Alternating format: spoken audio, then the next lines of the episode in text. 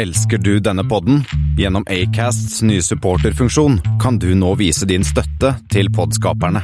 Det er helt opp til deg hvor mye du ønsker å bidra med. Klikk på lenken i podbeskrivelsen for å støtte podkasten.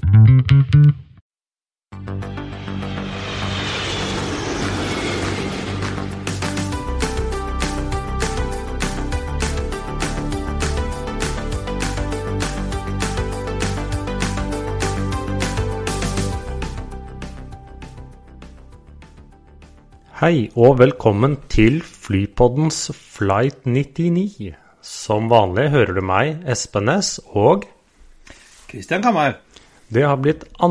mars, som ifølge deg, Christian, er Texas Independence Day. Ja, det stemmer.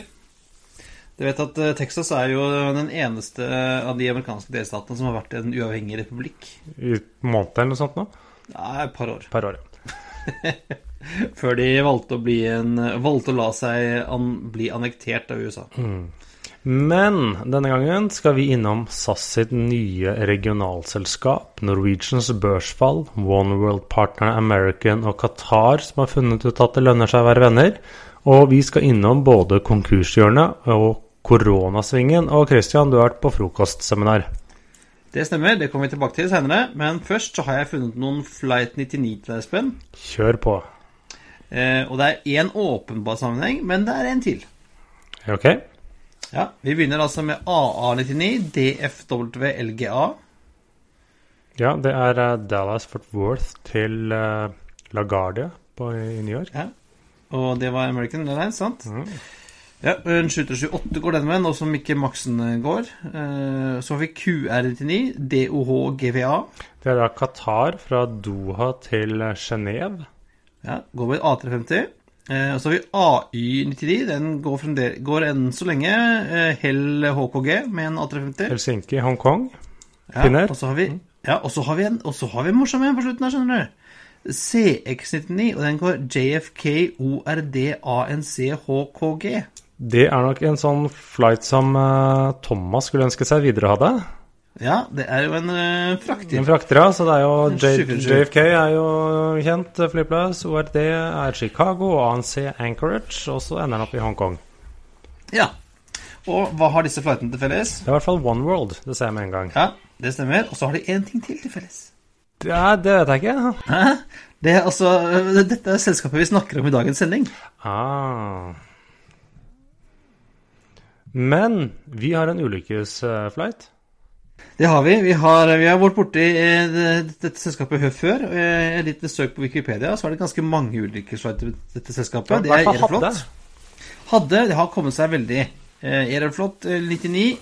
eh, En TU 124. Ja. Det er en fin kjerre. Ja, det er vel Sovjetunionen som prøvde å kopiere Comet. Ja. Eh, Funka litt bedre enn den første Cometen. De hadde kanskje ikke firkanta vinduer. Nei, eh, det hadde de ikke.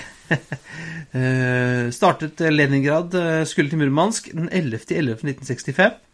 Eh, Dette flyet var da bare knappe tre måneder gammelt. Hadde rullet ut av fabrikken i august 65. Hadde 57 passasjerer og 7 crew om bord, og halvparten av disse omkom da flyet krasja i en frossen innsjø på vei inn til Murmansk. I rivende dårlig vær. Ja, og jeg ser også, som vanlig med disse russiske flyulykkene, det er en sånn derre forholdsvis messig bra med crew. Ja. Sjuk. Dette, det, det, denne her, hvis ikke jeg husker feil, så hadde denne her sånn der glasskuppel nesten i nesa. For det var jo en bygg Det var en sivil versjon av bombefly. Og så hadde den jo sånne, en sånn eh, Hva heter det? Sånn bremseskjerm bak i halen også. Var det denne? Ja, det hjalp ikke så mye her, da. Nei, det hjalp ikke så mye. Eh, ganske mye dårlig vær, eh, og de fløy, seg, de fløy ikke helt der de skulle. Eh, og krasja i denne innsjøen, da. Ikke bra. Vi legger ut en link til denne også som vanlig, hvor du kan lese litt mer detaljer om flight 99 med Aeroflot i 65. Men vi har en eh, fullspekket sending i dag, Espen, så vi eh, går rett til eh, dagens eh, nyhende. Uh, og det er jo ikke akkurat nytt, dette har vært kjent en uke, men SAS har altså lansert et nytt uh, regionalselskap. Dette har vi snakket om mange ganger. Ja, uh, vi begynte jo når de kom Var det i fjor, når de presenterte sitt årsresultat, så snakket de om at whoops, vi må ha en flytype som tar 120-150 passasjerer. og så har vi ikke lyst til å egentlig Eller vi kan godt fly flyene selv, men ikke med dagens selskap. Eh, så har det vært sånn mye til og fram og tilbake. Man, man vet jo enda ikke hva slags fly de skal bruke, selv om ja, jeg blir overrasket hvis det blir noe annet enn Airbus 220, med da liksom Embraer E2-serien som en sånn dark horse. Ja, eh, og vi har jo vært inne på det før. Vi, hadde, vi snakket om dette når vi, vi snakket om um, årsrapporten til SAS.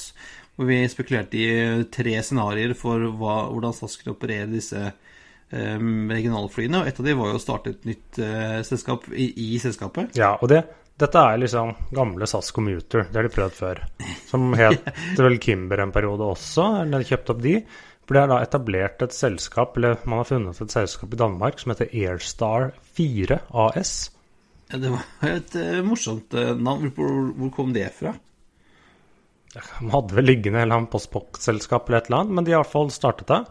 Og så kom nyhetene at SAS hadde blitt enige med fagforeningen eller fagforeningen om dette selskapet. Selv om det var jo en sånn liten sannhet med modifikasjoner. Ja, for det var jo ikke alle fagforeningene som var enige. Dette var én dansk forening, en ganske liten dansk ja, forening. Ja, ikke engang den vanlige SAS-foreningen, noe som heter PFU. Uh, og det er ikke Pressens faglige utvalg? Nei, det er en dansk eh, Ja, de organiserer vel bl.a. de ansatte i er det Great Dane eh, Noe i SAS, tror jeg. Men eh, eh, ja, flere andre danske selskaper. Så det er ikke en Det er jo ikke en sånn Det er jo en fagforening på lik linje med andre. Ja, men det er ikke hovedforeningen. Og, hoved, de hadde ikke blitt spurt, visstnok. Og jeg skjønner jo at hovedforeningene er litt opphisst og litt uh, misfornøyd. Men så er det jo også sånn at man har jo heller ikke fagforeningsmonopol. Nei. Eh, så noe, noe, sier meg at uh, de som skal jobbe i denne selskapet, som sikkert da får en base i København, vil være organisert i PFU. Ja. Det ser i hvert fall sånn ut, selv om man kan jo alltid melde overgang. Jeg vet ikke. Eh, men så da er det i hvert fall vært mye eh, Litt eh, nok mer gnisninger mellom da SAS-ledelsen og fagforeningene pga. det. ja, Noen kaller det en krigserklæring. Det vil jeg si er mer enn gnisninger, Espen. Ja, kanskje det. så, så, får man se. da, så kan jeg, jeg kan jo skjønne at de ikke liker det, men samtidig så har jo SAS rett til å gjøre det. Ja, og alternativet hadde vel vært å sette dette her bort til et selskap i Latvia, som vi vel også var innom. Ja, det er øh, et alternativ. Og så kan man se, alltid spørre øh, Slik man gjør det her, blir det faktisk så mye billigere, eller blir det ikke? Det føler jeg ikke egentlig er et klart svar på noen av øh, retningene. Uh, fagforeningen og SAS er jo selvsagt uenige, men det er nå sånn. Ja, nei, eh, vi, vi, får se da hva det blir til eh, Airstar 4 AS. Eh, som du var inne på, Espen, så ligner jo dette litt på Det er et eller annet som durer veldig hos deg. Er det ikke? Helt stille her. Ja, merkelig så kommer det sånn her during fra deg. Ja. Nei, Vi får se, da, Espen. Dette er, som du sa, det minner litt om SAS Commuter, som jo var et SAS sitt eh, regionalselskap fra 88 til 2004. Fløy Fokker 50-er og Q400-er og sånn forskjellig. Ja, så ble det eh, og, nedlagt i 20, ja, 2004? 2004, ja. Og, og innfusjonert i, i, SAS Proper, og da måte forsvant jo hele poenget.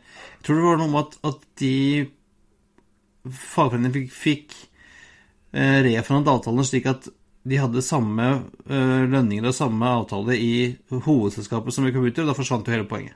Ja, og så ble jo etter hvert da Så forsvant jo de Q400-ene ut, og så kjøpte vel SAS opp dette konkursboet til Kimber, Kimber ja. og så plasserte CRJ de 900 maskinene der, før de så ble Hva skal jeg si sendt til Blue Ones, og Blue One ble solgt til CityJet.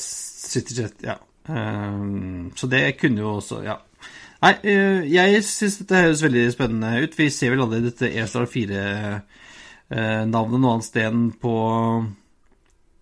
ja, i, noen papirer. Eh, og så har jo dans disse danske leasingselskapet Nordic Aviation Capital har jo kjøpt 20 A220-er. Ja, og SAS sier jo selv at de trenger 20-30 fly i denne størrelsen, eh, slik deres Ja. program er. Så jeg vet ikke. Eh, Tidligere så har ikke akkurat SAS og Nordic Aviation Capital hatt et veldig stort samarbeid. Eh, eh, Så får man se. SAS sier jo selv at de liksom har litt dårlig tid. At de må på plass er det innen 2023, som er relativt kjapt når man ser på hvor lang tid det tar å få levert nye fly. Så det blir jo det blir spennende å se på det. Ja, jeg, jeg ville vært veldig, veldig overrasket om ikke dette er SAS sine.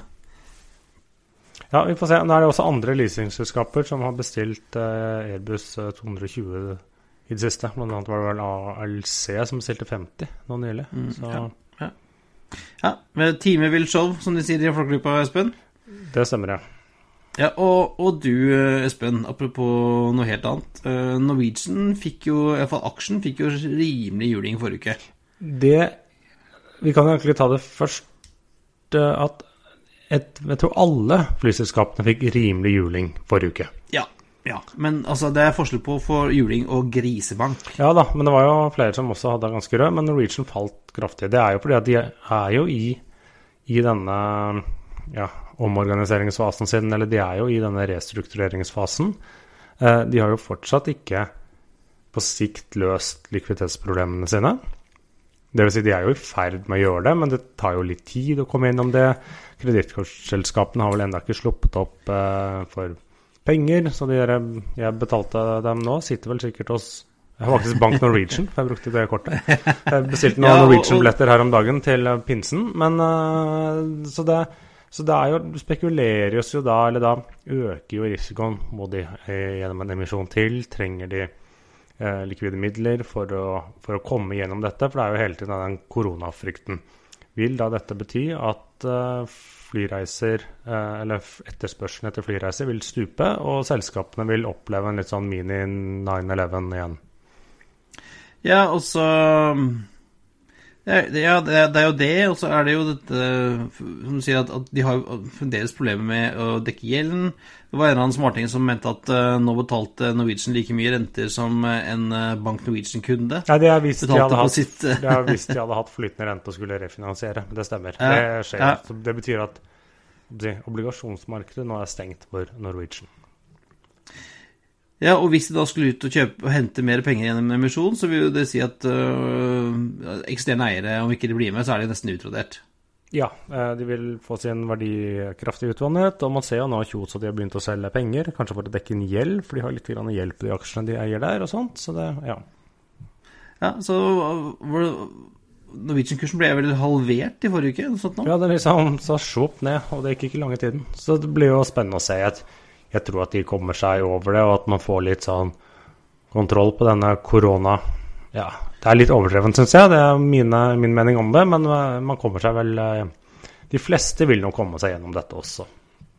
Ja, det kommer litt an på om liksom er, holder dette, dette koronascarien og holder på det nå i neste i to-tre-fire uker. Det blir to-tre-fire måneder, det er jo en stor forskjell. Vi kommer tilbake til koronasvingen eh, senere i sendingen. Det, det gjør vi. Men uh, det skjer noe i One World også. Ikke bare at Alaska skulle være med, som vi leste om forrige uke, men Nei, altså det, det har jo nå i to år vært eh, rimelig kjølig mellom Qatar Airways og American Airlines.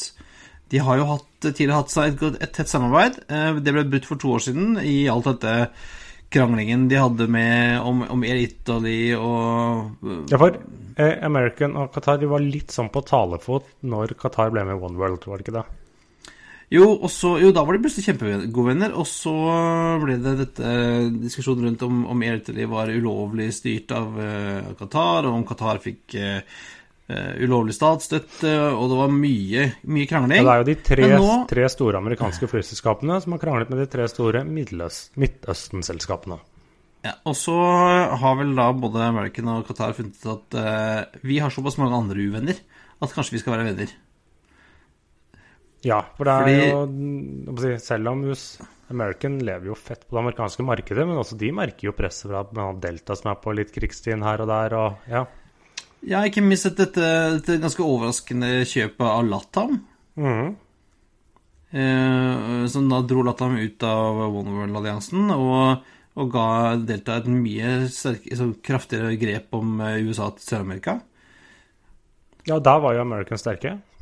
Ja, eh, så, og Qatar sliter jo med at de er jo uvenner rundt hele Alle naboene er uvenner med dem.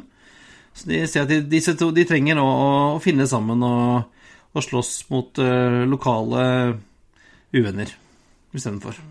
Ja, så da blir det ja, coacher på en rekke avganger og litt sånn feed av hverandre. Så Ja, og så har de jo som, det de kaller jo dette et, et, de kaller det et strategisk partnerskap, som vel er mer enn bare coacher, så jeg vil tippe at det kommer litt mer fra den kanten etter hvert. Uh, Qatar har jo prøvd å kjøpe seg inn i American Airlines tidligere, uten at det gikk. Nei, de fikk, Kanskje jo nei, ja, de fikk jo nei der, uh, men da er det vel kanskje betyr at American i Da kan ikke de liksom løpe til myndighetene i USA og begynne å klage igjen. Nei. Da ser det litt Nei, dumt ut. Ja. Nei, vi får håpe at det blir et uh, hyggelig og, og vennlig partnerskap mellom uh, Mr. Parker og Mr. Al-Bakar. Ikke umulig. Ikke umulig. Nei. Og ja, ja, har, har du fløyet Air New Zealand, Espen? Nei, jeg har ikke vært på New Zealand eller fløyet dem. Men de er jo litt kjente for å i hvert fall komme opp med en del litt sånne setekonsepter på Economy. De har jo et sånn innovasjonskontor, hvor de blant annet har lagd en Sky Couch. Ja, Som er liksom at du gjør om en sånn treseter til en slags veldig liten dobbeltseng. Ja, og de fikk jo masse presse rundt det, men jeg tror ikke det gikk så veldig bra. Jeg tror de De har vel implementert den på noen av de langdistanseflyene sine, men de har kommet opp med noe nytt. Ja, når de kommer på noe som de kaller et Skynest. Ja, det var litt sånn Jeg innbiller meg at det er litt sånn ser ut som på en ubåt. Ja, altså De som ikke har sett det, da så Vi legger selvfølgelig ut bilder av det også, men det, er, det ser ut som en to trippelsenger. Altså to køyesenger med tre etasjer. Ja. Satt sammen i en lite, lite hjørne bakerst i flyet. Ja, nei, det var det de har ikke Det var det noen som antok det var bakerst i flyet, men de var i hvert fall i midt i flyet eller et eller annet fordi at det måtte være høyt nok under taket. Og de har fall sagt New Zealand har sagt at dette er noe som vi vurderer sterkt på bare litt sånn ultra long haul-ruter. Eh, men, men vi vet ikke helt hvor i flyet vi skal plassere det, sa de. Nei, de, har, de har jo søkt patent eh, på dette. Det betyr jo ikke at de skal implementere det, men de har igjen fått eh, mye bra PR. Eh, og så er det jo Men så er det sånn Setter de inn denne Skynesten, da, så må du ta ut to eller tre seterader for å få det til. Ja, men så gjelder det da at du, hvis du da får nok ekstra betalt for disse setene, da. Det handler jo om det. Eller disse setene. Sengene. For er, de, de kan jo ikke sitte under avgang og landing, så er liksom du må kjøpe et sete og en seng. Ja, så det, og, og um, det som taler for at det kanskje ikke er så gærent økonomisk, er at disse skal implementeres på de ordentlig lange, lange, lange rutene. Ja, da kan du uansett Der- ikke makse ut med antall seter, for da kommer du ikke fram. Nemlig. Eh, så da kan det være et alternativ da, å, å betale noen hundre dollar ekstra for å kunne sove helt flatt i noen, noen timer. Sammen med fem andre mennesker baki der. Ja, det var det, da. Håper ingen snorker. Det var liksom Nei, på, de, på de bildene jeg har sett, så ser det veldig koselig ut. da, for Det tatt en hel familie, og da ser jeg jo poenget. Det har vært hyggelig. Det har tatt hele familien baki der. Men eh, jeg, er litt, jeg vet ikke helt Hadde du betalt for det der, Espen? Spørsmålet er hvor mye jeg hadde betalt. Det er ikke sikkert Ja. Er det billig nok, så ja. Men jeg vet liksom Jeg sliter med å sove på fly uansett, det. Så det er Nei, jeg hadde, jeg hadde ikke betalt for det. Jeg, hadde, jeg sovner jo rett oppå det uansett. Uh, og så er det sånn forskjellen, hva, hva er forskjellen med, kontra å kjøpe seg en full business class, da? Ja, det kommer jo an på hva prisforskjellen er, absolutt. Ja, ja, ja. Men det er gøy at de tester og prøver nye ting, da. Det syns jeg er kult. Ja. Uh, og andre som prøver nye ting, det er uh, det polske, eh, flyselskapet eh, som heter The Regional Jet. Ja, de er jo annet sammen med eller ved siden av CityJet, en av de som er leverandør av CRJ 900-tjenester til SAS og, har, Og til Lott. og til Lott, og har sitt utspring fra liksom, eller Nordica. Dette, Ja. De som tok over for Estonia etter de gikk eh, konkurs, og som eier, er, Lott eier vel 50 gjør det ikke det? Jo, noe sånt noe. Eh, Og flyet for eh, da SAS og Lott og vel Luxair og et par andre. Ja, litt sånn hva de, hva de finner business til. Men de skal kalle seg for X-Fly. Eh, de skal også, dette har det vært sånn rykter om en stund, få inn sju Embra 190 eller 195. Jeg vet ikke om det er begge deler, eller i hvert fall en av de. Hvor de da liksom skal Disse fly, fire av dem, skal de bruke til å fly disse såkalte Lott-rutene fra Tallinn. Ja, disse gamle, Gamle Nordica-rutene. Som uh, Lott liksom valgte å beholde. Og så skal tre av dem erstatte noen eldre CRJ 900-maskiner, som ikke jeg tror, slik jeg forstår det, er egentlig primært for Lott eller annen produksjon, men ikke liksom man, Jeg skal ikke se de i drift for SAS med det første. Nei, for der er det fortsatt uh, noe ATR og CRJ. Ja, de flyr ATR og CRJ og CityJet CRJ, og så har man liksom Jeg mener det er litt sånn nesten 50-50 fordelt mellom dem, eller at det er planen. I hvert fall nå borti 50 på 50. Ja, men uh, tydelig, vi, vi tror ikke på Embraerne i SAS-produksjonen. i SAS-produksjon. I hvert fall ikke med det første, eh, slik kontrakten er nå, eller slik i denne, hva skal jeg si, anbudet. Nei, og de har jo noe, lagt ut noen fine bilder av eh, flyene, hvordan de kan se ut i en X-Fly-farger, som vi nok aldri kommer til å se dem i. Nei, de ligner litt på disse gamle Hva heter de? Eh, Ja, eh, plan, Small Planet. Small Planet, Men ja, eh, disse flyene er stort sett enten så er flyene helhvite, eller så flyr de jo da i de fargene til selskapet de flyr for. Ja. Så vi legger ut bilder av disse selvfølgelig også, men eh, det ser morsomt ut. Men vi tror ikke vi ser det i litt sånn som German Airways. Vi sa vel ikke de heller, tenker jeg. Nei. Og eh, konkurshjørnet, Espen, der eh, rant det inn i helgen. Eller forrige Ja, det var jeg kaller det en og en halv konkurs. Eh, eh, de som er litt kjente på i OSL, er jo Air Cargo Global. De startet opp i fjor med en 747 frakter. Husker ikke om det var én eller to ganger i uka. Fløy bl.a. av Oslo og Tianjin. Eh, og var jo liksom linken mellom Oslo og Kina en stund. De gikk konkurs rett og slett at de sier at nå har jo cargo-markedet litt sånn kollapset. Og det overlevde ikke de. Så da har de Nei, for det er jo ingen eh, Ja, for kineserne har slutta å lage ting, og de slutta å kjøpe ting. Ja, og de hadde da tre 747-fraktere, og hadde liksom litt sånn Det markedet tror jeg de eh, satset mot, og hadde tydeligvis ikke helt de store eh, reservene. Nei, mens eh, den den halve konkursen, det er en annen 747-frakter. Ja, Cargo Logic Air. Eh, de gikk vel strengt tatt ikke konkurs. Dette er jo Airbridge Cargo, disse russiske, er sitt britiske selskap. Eh, det sies jo litt at eh, noen sier at de, eh, brexit har skapt litt vansker med det, med noen rettigheter og, og et par andre ting, men de har vel valgt å suspendere selskapsoperasjoner og sagt at vi leverer inn AOC-et. Eh, og legger ned. De hadde vel fire 747 fraktere, annet med åtte. Og så gikk de ned i to, og nå er liksom alle borte. Ja, Sendt hjem til mor i Russland. Jeg antar det, jeg har ikke sett helt hvor de har havnet. Så de, om de ikke er liksom teknisk konkurs, så har de iallfall suspendert opera operasjonene sine. Ja. Og noen andre og, og det kan jo hende at med det som vi ser med korona eh, si, hysteriet om dagen, så kan det hende at det blir flere inn i konkurshjørnet etter hvert. Så skal, I mellomtiden så putter de inn det som er kalt for koronasvingen. Ja, du skal Når du er i koronasvingen, du skal ha litt uh, fett å tære på de nærmeste månedene, tror jeg. Ja, eh, Vi begynner med Finnair. Vi snakket jo litt om Finnair tidligere i måneden eh, med tanke på at de er jo ganske hardt eh, eksponert mot eh, Asia og Kina. Ja. Eh, og Akkurat nå er er ikke Asia en gullgruve. Nei, ikke akkurat. Og de har jo nå valgt å innstille alle flyvninger til og fra kinesiske fastlandet fram til 28. mars Ja, og varsler permitteringer, og de liksom setter inn litt ekstra kapasitet hvert i India og USA. I hvert fall det som er planen. Um, disse er jo definitivt hardt rammet her. De har jo hatt et godt grep om Kina-markedet. Ja, og sendt ut en eh, profit warning til det finske markedet som eh, ja vel lover at dette kommer til å gå dårlig. Ja, og det samme gjorde jo nå EasterJet, kom vel med profit warning samme dag, tror jeg. Eh, hvor de blant annet, for de er jo store på Italia, og i Nord-Italia nå så har det vært litt sånn eh, litt rusk. Ja, og Ryanair har jo redusert Italia-produksjonen sin med 25% eller noe. Ja. Og Lufthansa sier vel nå at de totalt sett skal kutte 25% av, eh, av produksjonen sin i Europa. Ikke bare til Nord-Italia, men liksom totalt. Og de Var det forrige uke så hadde de parkert 13 langdistansefly. Nå tror jeg de er oppe i par og 20. Ja, eh, og det er jo også små småtteri mot uh, Cathay Pacific, som har parkert halve flåten sin. Ja, og de sleit jo lite grann fra før. ja, ja, altså between a rock and a hard place, liksom. Ja. Fordelen med Cathay Pacific er at de har sterke eiere, men uh, de kommer til å få merke det. Men så kan det jo liksom sånn spørsmålet er overlever konkurrentene til Cathay Pacific når dette er over? Ja, det er vel hva, hva som ligger igjen da etterpå på slagmarken når dette, dette er ferdig. Ja, nei, det blir jo øh, spennende tider, og så er det da de, de flinke og de sterke.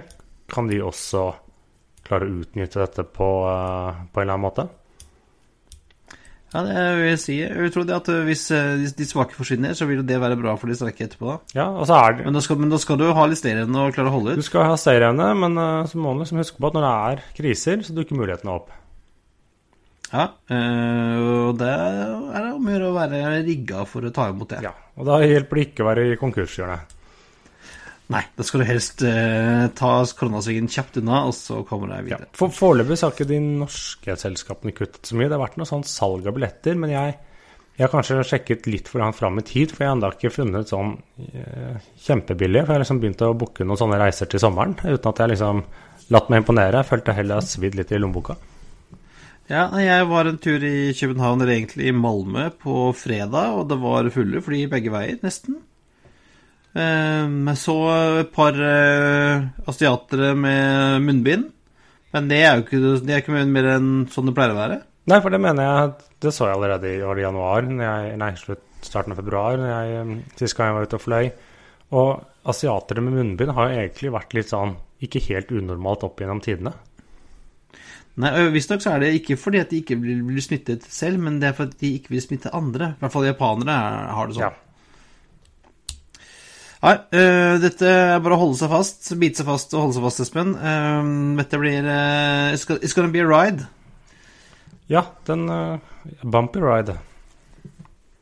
Veldig bumpy. Og som du sa i starten, så har jeg vært på på, på seminar i uken som gikk. Et frokostseminar. Og hva spiste dere til frokost, holdt jeg på å si, eller hva lærte du der? Nei, jeg spiste rundstykke med salami. Det var veldig godt. eh, Og jeg klinte med et halvt eh, wienerbrød etterpå. Men det var ikke derfor var det ikke det vi skulle snakke om, egentlig. Var det det? Nei, du lærte vel Nei. noe også? Eller lærte- hørte var noe, eller plukket Ja, opp jeg- noe, eller satt Ja. ikke bare og spiste wienerbrød? Nei, jeg gjorde ikke det. altså, Jeg kunne ikke det. akkurat på sånn. Jeg var hos min eh, gamle arbeidsgiver eh, PR-byrået Gambit Hill Nolton, som holder til i Oslo. Eh, og så, For der eh, hadde da min andre tidligere arbeidsgiver De hadde frokostseminar om bærekraftig luftfart, eller Sustainable Aviation, som de kalte det. For eh, av en eller annen grunn så valgte de å ha dette seminaret på engelsk i Oslo. Ja, ok. Så det var min gamle kollega Knut Morten Johansen, eller Johs blant venner, som eh, tidligere var pressesjef i SAS Norge, som nå er direktør for samfunnskontakt, myndighetskontakt. Og han holdt et innlegg om hvordan SAS jobber med bærekraft, øh, med fokus på bærekraftig ikke-fossilt brennstoff. Ja, for det med bærekraft så betyr det jo ikke at man skal slutte å fly. Man skal ikke at alle skal få koronaviruset, og så slutter man å fly. Og så faller Nei. utslippene. For det er jo egentlig ikke bærekraftig. betyr vel å bytte ut med noe bedre. Ja, eh, og det SAS er veldig opptatt av, er jo dette å bruke sustainable aviation fuel, som er biodrivstoff, da, som vi kan kanskje kalle det. Så eh, det var, dette var et, et, eh, et foredrag og, og en del spørsmål som totalt, eh, etter å ha klippa litt ned, så havnet det på en halvtime. Så det vi kommer til å gjøre nå, er jo eh, å sende avslutte sendingen som vanlig, og så sender vi hele det, foredraget med Johs i sin helhet etter vanlig sending. For det er ganske langt, men det er interessant, så jeg vil anbefale å høre på det. Ja, og vi legger ut selvsagt linker til, eh, til alt sammen som vi kan vise til. Ja, eh, men først så, så tok jeg og spurte Johs da, på norsk eh, litt om dette med utfordringer som er med biodrivstoff. Så vi kan høre på det først, kanskje?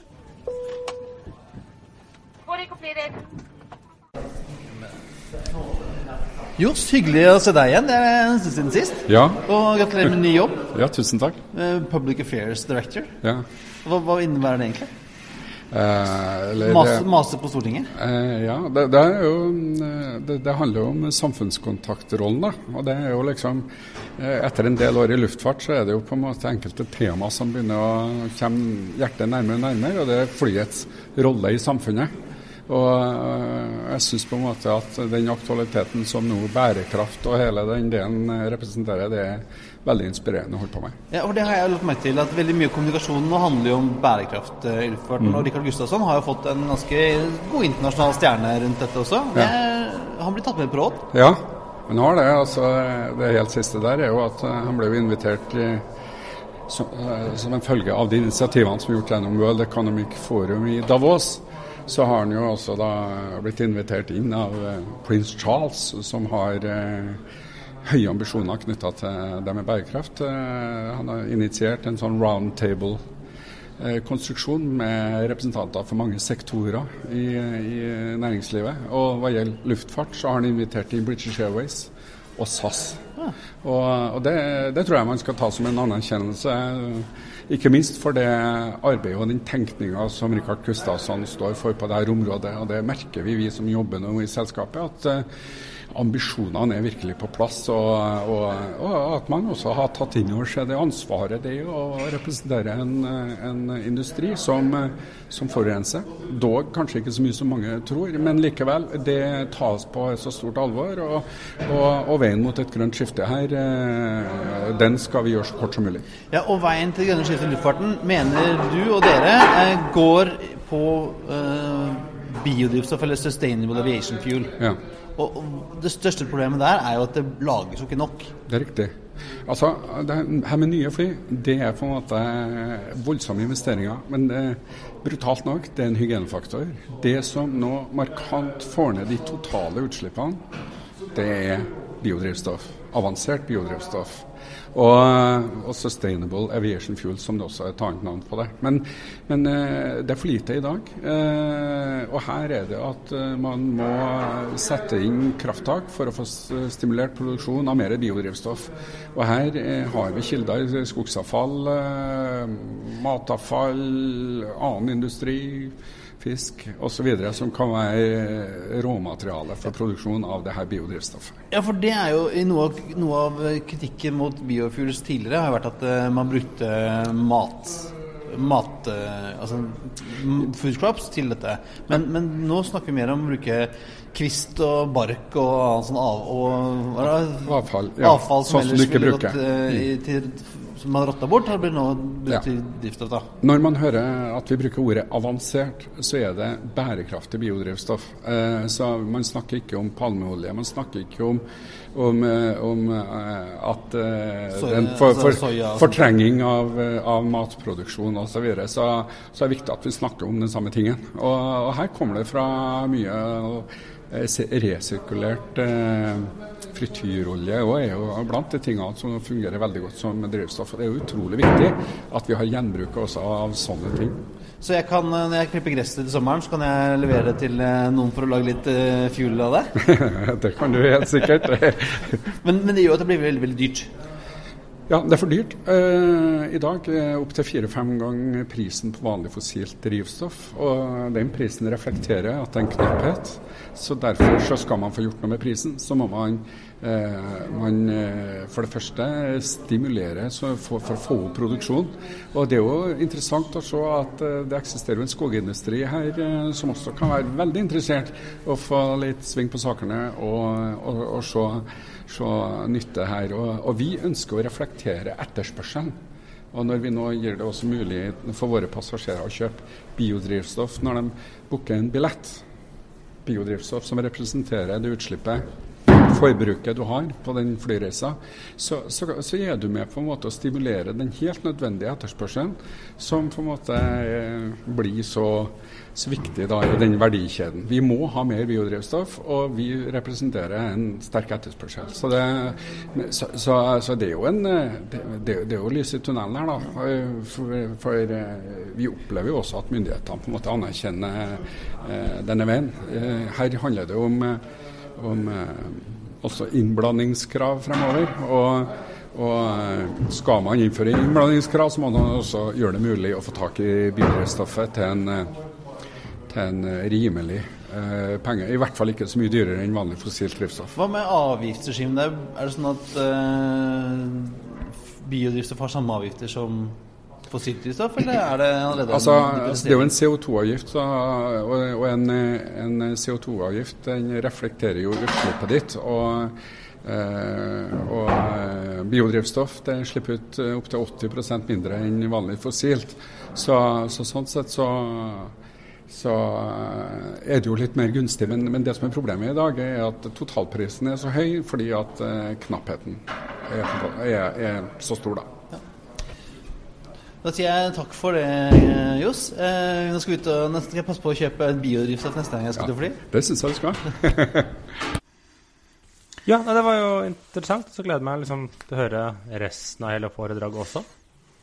Ja, for det, som sagt, det, det, ble over en halvtime, men det er ganske interessant å høre på hvordan de tenker, og, og hvilken um, posisjon SAS og, og Rikard Gustavsen har tatt i, det, i, i denne diskusjonen internasjonalt. Så det anbefaler jeg å høre på. En annen anbefaling er jo å følge med på uh, hva Gambit Hill Nolton driver med. For de har noe som de kaller for The Gambit Transport Forum.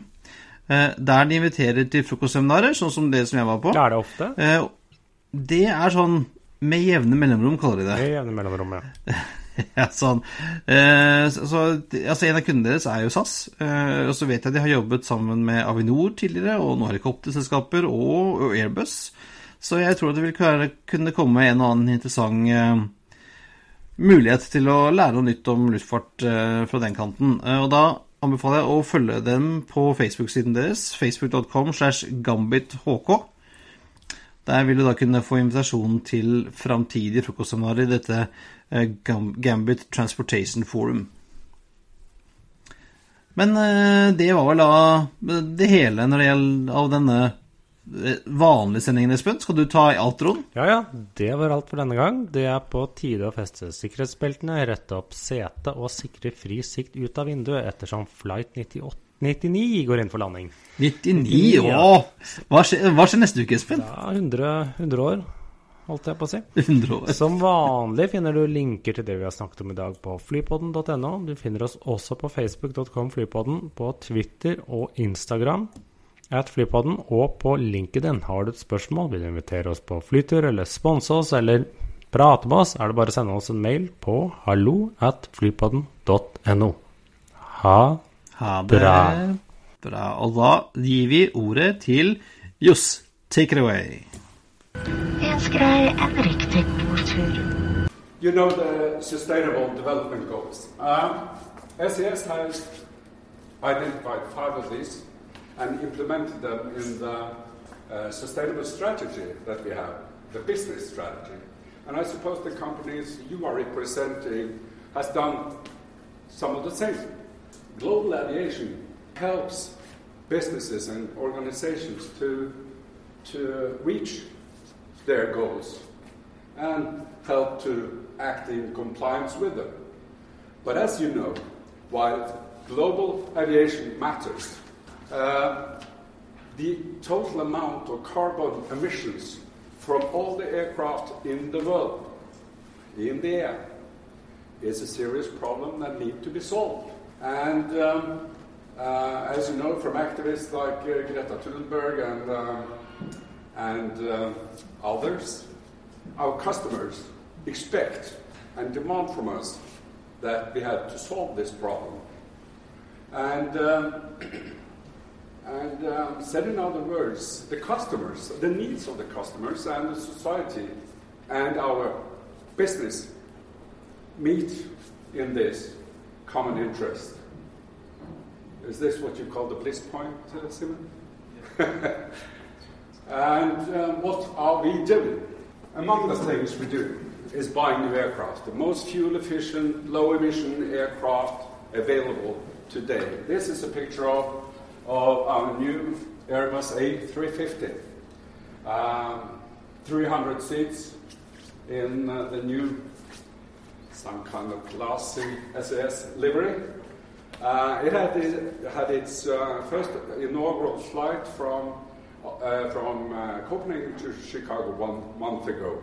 And uh, I must say the feedback has been beyond everything we have seen before. Uh, it has the lowest fuel burn. It reduces emissions between 50, 25 to 30 percent compared to the previous, and um, and it also has less fuel burn, uh, more fuel efficient than all the corresponding Boeing Dreamliner uh, models, uh, for instance. Uh, and uh, you have to remember, one ton of fuel less emitted is three times less carbon in the air. We have uh, um, renewal of our fleet. Since uh, 2016, we have um, uh, been had a transition from the Boeing 737 that you are familiar with uh, to the uh, Airbus uh, 320 Neo, uh, the aircraft with the lowest emissions on the short and medium haul. And, and from 2023, we will have a single fleet of Airbus aircraft only.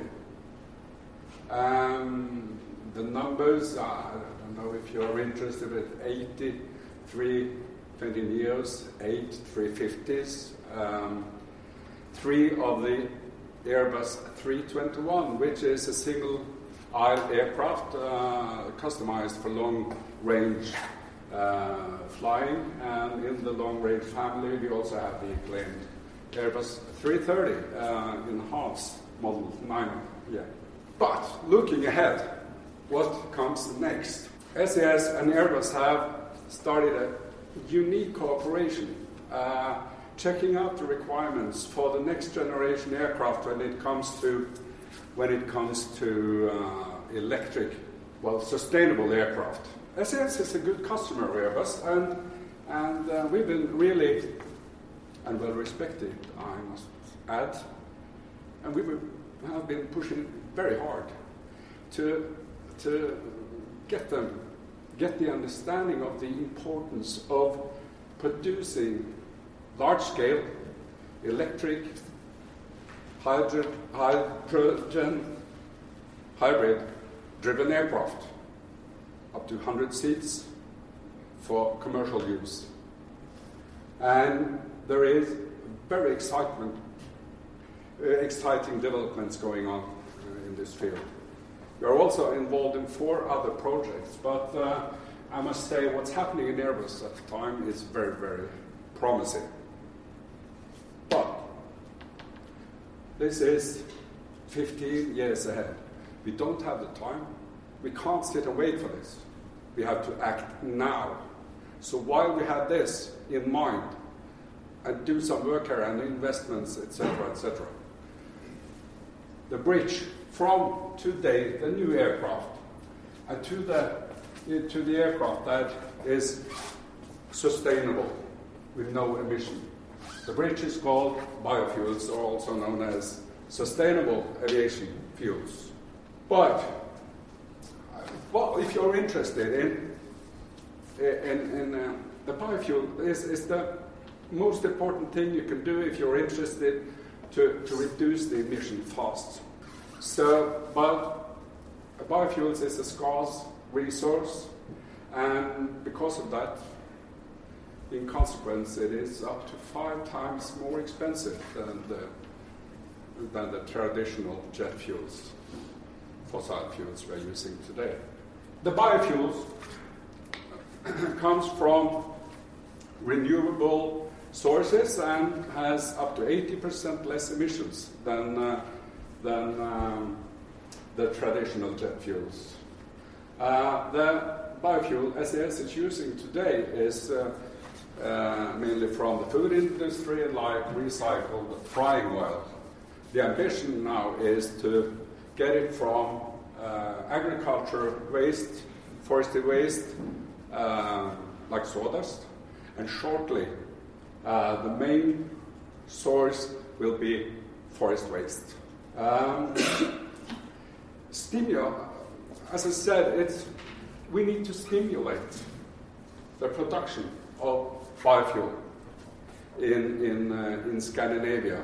And we will do so uh, with, uh, through our cooperation with Preem and others. And, and um, even our customers now boost this demand in this very important uh, value chain. Now you can buy buy fuel when ordering, booking a ticket with SAS. The cost is 100 krona for each 20 minutes flying. So for a flight from Trondheim to Bodø, 45 minutes.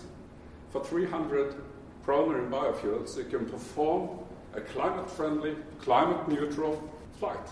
By coincidence, the same leg between those two cities, the train is diesel driven.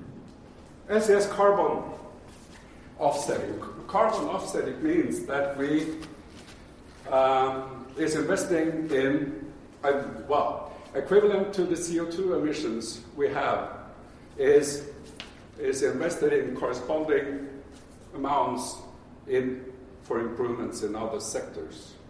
And SAS uh, is investing in, uh, in wind power, mainly now in uh, Asia or uh, India, and is reducing our footprint um, uh, that way as well. And um, as you might know, and, um, uh, we are buying carbon offsetting for all the trips our uh, Eurobonus members, 6.2 million, is performing, and uh, also for the trips that the youngst- youngsters who is flying on youth tickets is uh, is uh, flying. So then, so that's that's a good thing. It's a part of several things we are doing on the on the sustainable field. a couple of other things I will uh, mention is uh, the dry wash aircraft. With these new routines and technologies, we are, have reduced the water spill of 98%. With polishes uh, the, the surface of the aircraft, making it, making it uh, more um, aerodynamic, reducing fuel burn because of that. It makes it anti-static, so it stays cleaner longer, and the polishing even extends the period of time uh, until you need to repaint the aircraft. In fact, for several years. So it's. Uh, it's a very exciting uh, routine and exciting procedures we are performing now at uh, OSL, Stockholm, and uh, Copenhagen. To Robert, you should have come up and do something on that. Okay, good. See you there. See you there. Uh, and on board, uh, we, we have an updated product as well. Um, the new Nordic food concept, as we call it. Uh, um, important improvements uh, uh, um, seasonal, uh, seasonal, seasonal and local produced products, healthier ingredients, and we've introduced an improved food um, management system. You know, food waste is, is a big thing. Uh, and uh, not at least plastic. And we are reducing the plastic now from uh, on board, it's 51 tons a year. 51 tons. And um, we have also removed the ta- tax free, the liquor store on board. And um, uh, as you know, the Linie is, has been crossing the equator I think the whiskey we have on board, have had on board the SAS flights has gone through the world several times. I don't know if it tastes differently, but uh, it had this. Uh, it could have come, uh, could have uh, got some uh, Eurobonus points, of course. Uh, we are very ambitious when it comes to uh, this field, and, and, we have a long list of activities under all these four dimensions. Uh, the big thing, of course, is new aircraft. Um, of, uh, to the nice price of 52 billions. Uh, but I want you to pay attention uh, to our high determined ambitions when it comes to, to uh, our plans with biofuels. By 2030, we will fly on sustainable fuels uh, with the same amount from all uh, the domestic flights in Norway, Sweden, and Denmark. We will reduce the emissions significantly. We have high ambitions, but it is very, very expensive. So that's why we have a clear message to the governments of Scandinavia that the experience is imposing charges of all kinds. They call them climate taxes, but some of them have no climate effect whatsoever. Instead, they are slowing us down in this extremely expensive green shift. So the clear message is that uh, put those money aside, put them into a fund with this specific objective, objective. Incentivize the production of, of, uh, of sustainable biofuels that is short in supply, and um, up to four to five times more expensive than the regular. We are ambitious. We are impatient, like the environment itself, and I'm convinced that the governments, uh, the authorities, and the airlines has to work together in this symbiosis so that we can reach our ambitious goals. We have to remember that 70% of Norway's population don't have alternatives to flying when it comes to travel over longer distances. So, so aviation is not a part of the problem; it's a part of, of the solution. And uh, and um, the green revolution in the air is just ahead of us, and and um, are really uh, pushing hard here for a swift progress into a, towards a sustainable future. Shall we take the questions in English or in Norwegian or whatever? I, I think Yeah. English is fine if we have an English speaking. Yeah. So I was wondering um, internally uh, in SAS, Yeah. um, how is the engagement among employees? Um, as we all know, you know the aviation industry, and, and there's a lot of conflicts um, between various parties always. But is this something that you see as um, in addition to the brand and and, uh, and so on, is this the one thing that can actually function as something that will unite the organization in a better way? Yes, definitely. And and um, uh, you know, we are not only talking about nuclear uh, aircraft. We, it's happening in so many fields, and it's uh, it's worked into the procedures now. So everybody has has um, some kind of a close connection to to, to these goals. Uh, but um, of course, the pilots, pilots is interest, uh, they are interested in, in the new aircraft, of course, and, and when they perform a flight, and they will do it uh, as with lo- the lowest emissions. And uh, when I'm sitting in cockpit, I can experience that, that they are they're really conscious about the fuel burn uh, and how they fly, and, and if they get from the airport control that they have to make a, an extra turn. Uh, uh, over this area maybe. And, oh, why? You're using more burn, more emissions. And this consciousness hadn't been there before, like it is today. So I think everybody has to do their best in, in the small field, and, and together we, we, are, we are making this uh, necessary change. And the understanding, and, and of course, it's, well, you know, uh, working for a company that is uh, 11,000 employees, uh, there's a lot of different interests. Mm. This is something that unites. So uh, it, nowadays, it, it's I'm so provoked when somebody says this is greenwashing. 52 billion. How many Opera buildings is that? We are not doing this for uh, greenwashing. But, but, but talking about new aircraft, it's a hygiene factor now. The biofuels, it was this, the most important part to get to, to reduce the emissions now. But it, shortage supply, of course, so, so we need to stimulate this value change and have it uh, so we can start really big, big business. Mm. How big of, a, big of a difference is there between the Norwegian and the, the Swedish uh, markets, and how much is environment or climate issues uh, linked to it? Interesting.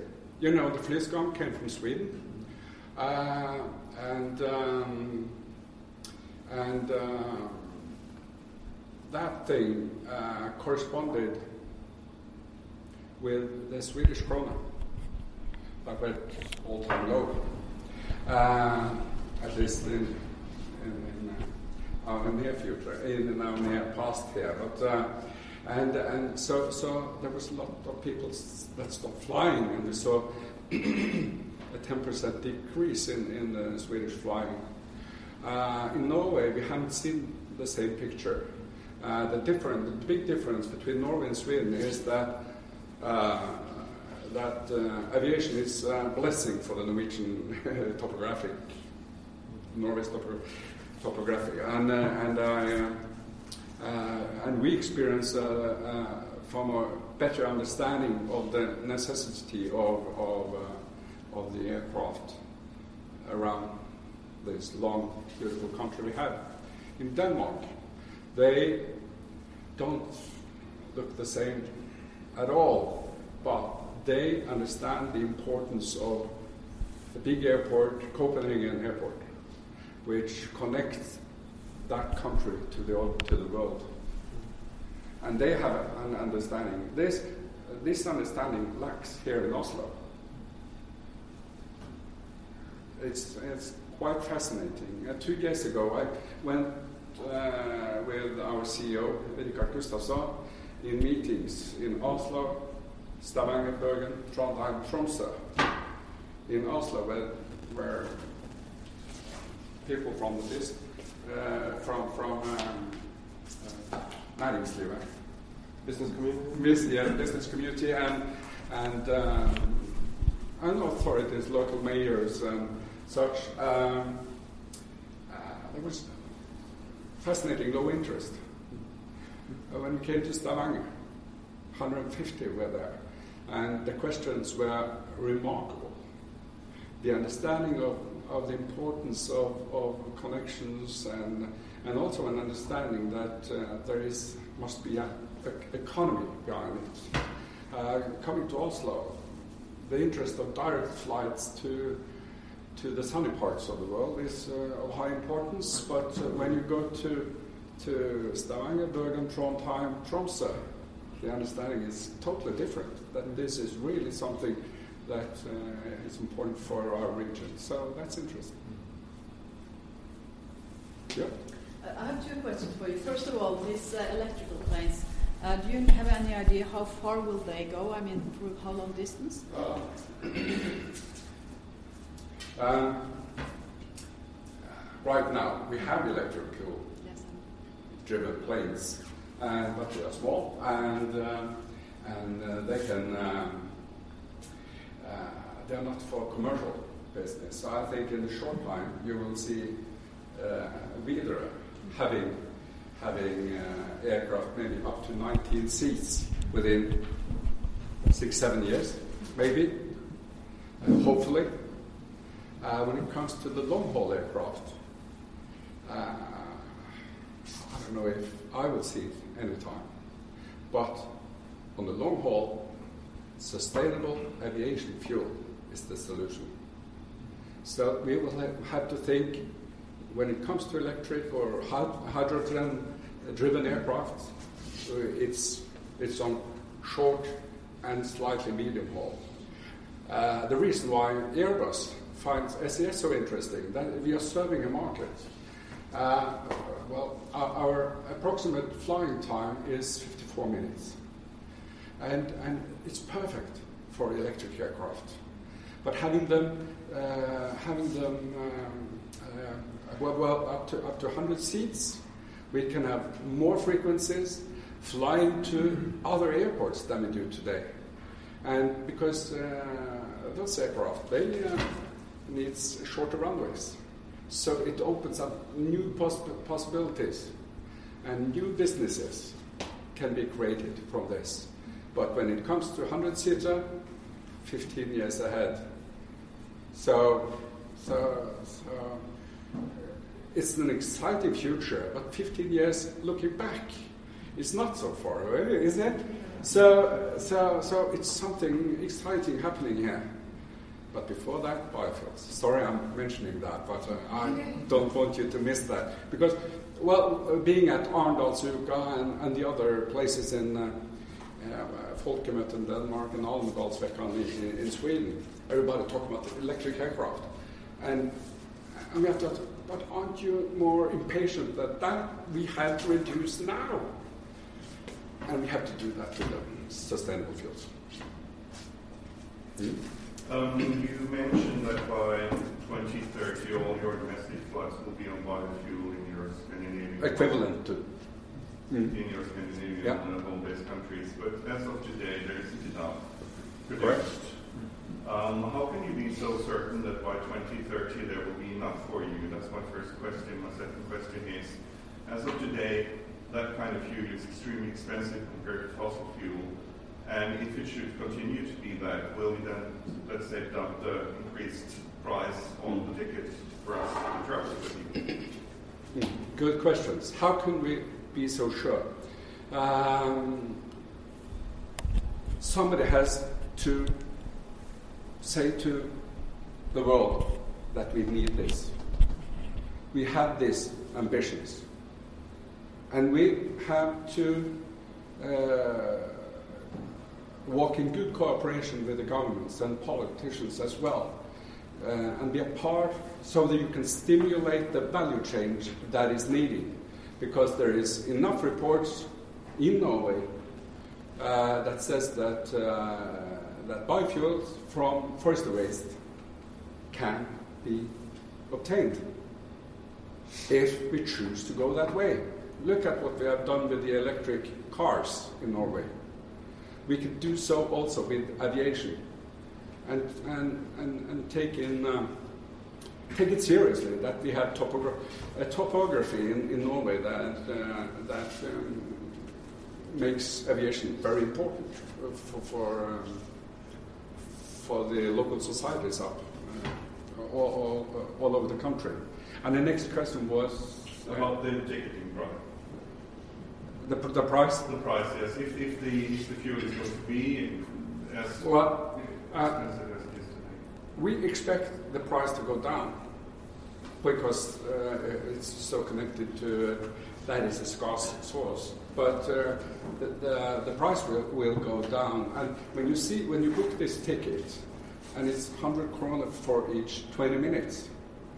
Uh, I heard now uh, when I was in Stockholm that uh, um, that uh, maybe next year the Norwegian 100 kroner could, uh, could last for a 30 minutes flight.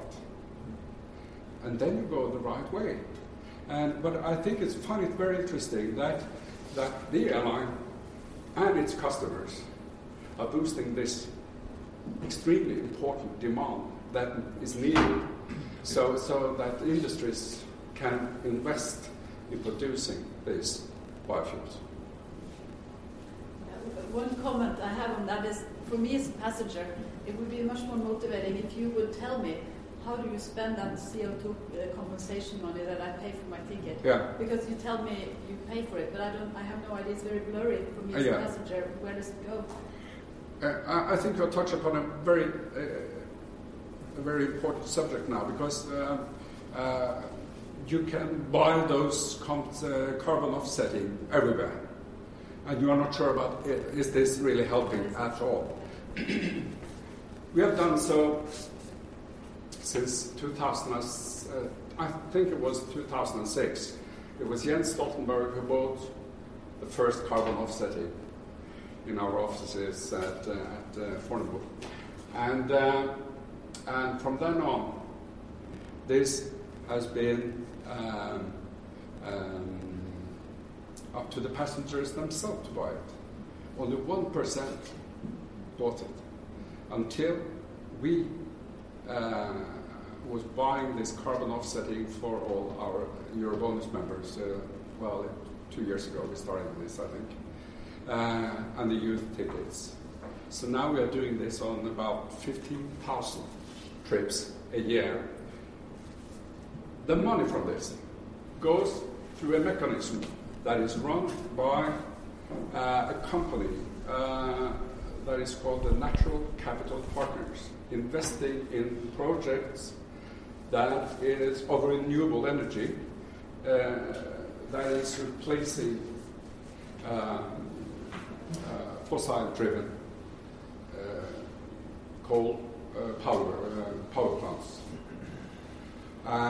and this is um,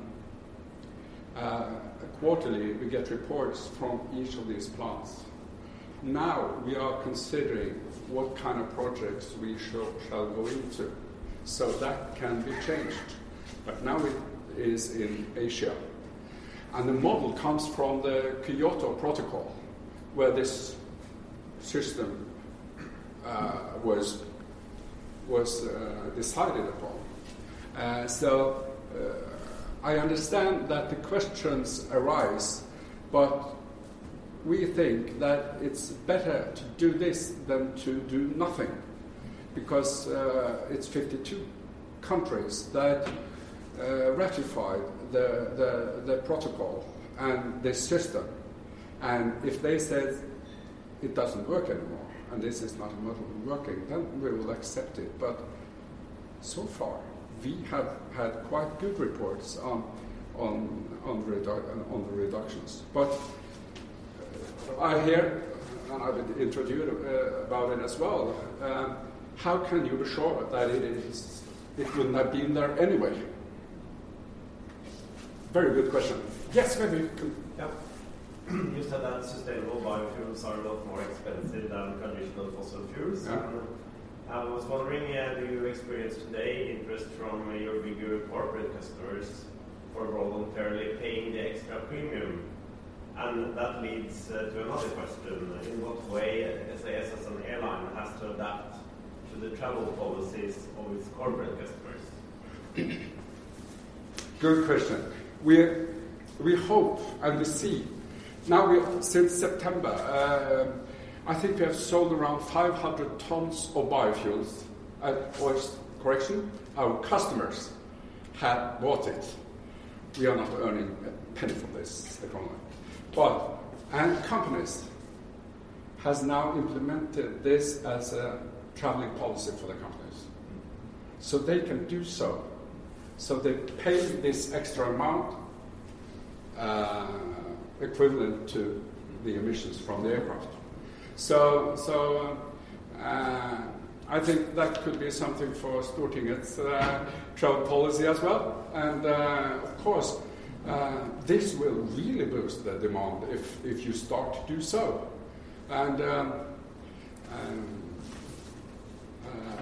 Marius Holm from uh, the, the, director of the Zero, uh, Zero, what do you call it, um, environmental uh, company. They, uh, he took a trip to go to New York and back and paid 1800 extra.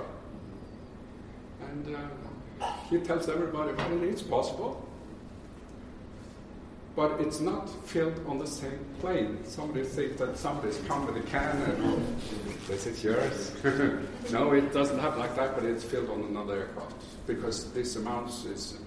Uh, so, so the emission, total emissions in the air is reduced uh, because of this. And and um, when it comes to um, the inblandingskrav, which we have now for this year, uh, half a percent. Um, what our customers buy comes on top of what we are buying, of course, and we have more and higher ambitions than, than this uh, level set by the authorities. So, what is the biggest obstacle to uh, going full sustainable jet fuel? Is it is it the availability or the price? Uh, well, uh, uh, those two things connect. Yeah. It's the availability, and uh, if we uh, we buy it with the prices today, we are out of business in uh, in short time.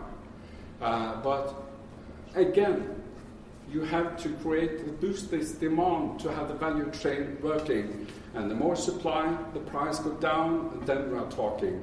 And I must really emphasize the importance of, of uh, what I was, you know, the passasjeravgiften and the CO2 tax in Norway. Uh, for Norway's aviation, we are talking about two and a half billion kroner. Uh, let's say if you put that into a fund with this objective, uh, stimulating production of biofuels, then we are talking.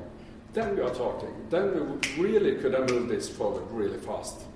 Because uh, uh, in Norway, with all the wood, uh, we have the possibility to really do a green revolution in the air very uh, soon, sooner. And, uh, and our ambition is that Scandinavia should be that part of the world with the greenest air aviation. Yeah. Do you expect with the focus on environment that people in fact will fly less in the times to come? Yes, um, and yes, I think so. And, and, when it comes to the focus around flying, what should you do to reduce your uh, footprint? Uh, and everybody comes, well, you can stop flying. Um, and, uh, and we had um, uh, a research last summer um, asking people, uh, well, that was through NHO Luftfart, um, uh, asked people how much, um, how big part of the CO2 emissions emitted in Norway do you think comes from aviation?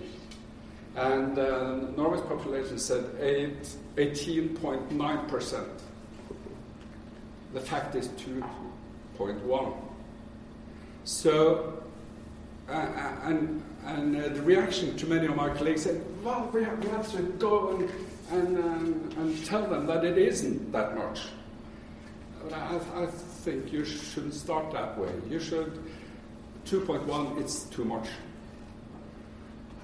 2.1 is too, too much. We have to, to, to, to attack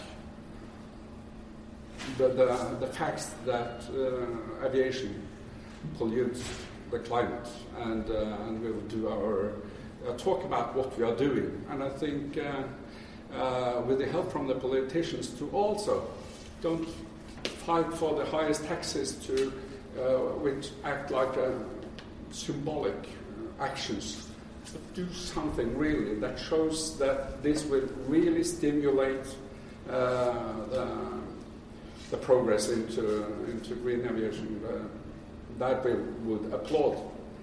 Everybody is talking about uh, tax reductions. Of course, it's, it's uh, we are into really on a tipping point now. I won't mention what's happening with the corona thing, but we are on a tipping point. We can't take it much more um, uh, with extra taxes. So should you do something, get it into uh, the biofuel stimulating process, and then we are talking. Well, now we're into public affairs, and if you look at what happened with um, electric car subsidies and different kind of incentive schemes, there it, it didn't come overnight. It was a long process. And it ended with success because there were individual politicians, even more so than, than political parties, that took ownership and drove it forward. Mm. Um, how far are you from creating that kind of alliance between SAS or the airline industry and not only individual policymakers in key positions, uh, the Ministry of Environment as such, more than the Finance Ministry that always fight uh, new incentive schemes? Uh, and is there any work on making this a Nordic issue, or is it solely based on individual countries? Uh, our CEO, Rickard Gustafson, he was uh, at a board members meeting. He's sitting in the board, uh, one of the, uh, and, and, this, and he was uh, coming up with this issue that this is a major challenge for, for the international aviation industry. We have to do set some goals. We have to reduce. We have to make a plan for, for, for the reductions. He only had a few countries in Europe with him and New Zealand. He came back again half a year later, May 2019. Then he had three continents with him. It's going slow, but it's the, the, the fellow understanding that this is an important uh, issue is, is growing, and we need to have that first. But also we have to have stimulating mechanisms when it comes to the, you know, the, the ETS, uh, well, it's very detailed, but the CORSIA. We need to have global mechanisms to, to, um, uh, to reduce the emissions, but uh, we have to do things ourselves. We have to go in the forefront and show that it is possible to do things. And the way we have been pushing Airbus now is a good example that you have a power being a customer, uh, pushing, pushing, uh, pushing them, and and and. Uh, and you shouldn't underestimate the importance of, of pushing uh, uh, the understanding of how important this is to make a large-scale production of commercial aircraft, uh, etc. It's uh, it's quite powerful when when airlines uh, talk about this. But even on these shores, it's now 2020, the first time that even our main competitor says that biofuels is important. And, and so, and now the airlines also here in Scandinavia are united on this issue. And, and then we will play a factor as well.